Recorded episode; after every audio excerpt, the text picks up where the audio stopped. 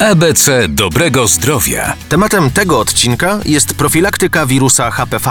Oto dlaczego szczepienia przeciwko HPV są tak ważne, pytamy profesora Andrzeja Nowakowskiego. Szczepienia przeciwko HPV są małym przełomem w profilaktyce onkologicznej. Nie mieliśmy albo było bardzo mało tak skutecznych form profilaktyki. Przypomnijmy, iż szczepienia przeciwko HPV wdrożone już w wielu krajach w programach profilaktyki mogą zmniejszyć ryzyko zachorowania na raka szyjki macicy nawet o blisko 90%. Czy to prawda, że powinno się szczepić przede wszystkim nastolatków? Faktycznie skuteczność szczepień przeciwko HPV jest największa przed kontaktem z wirusem, dlatego w tej chwili program zakłada szczepienie 12 i 13-latków. Są to osoby przed inicjacją seksualną i to one mają szansę skorzystać z największej odporności, którą dają te szczepienia, dlatego że nie mają efektu terapeutycznego. Są to szczepienia stricte profilaktyczne, dlatego nie leczą one już nabytej infekcji, tylko dają odporność na przyszłość.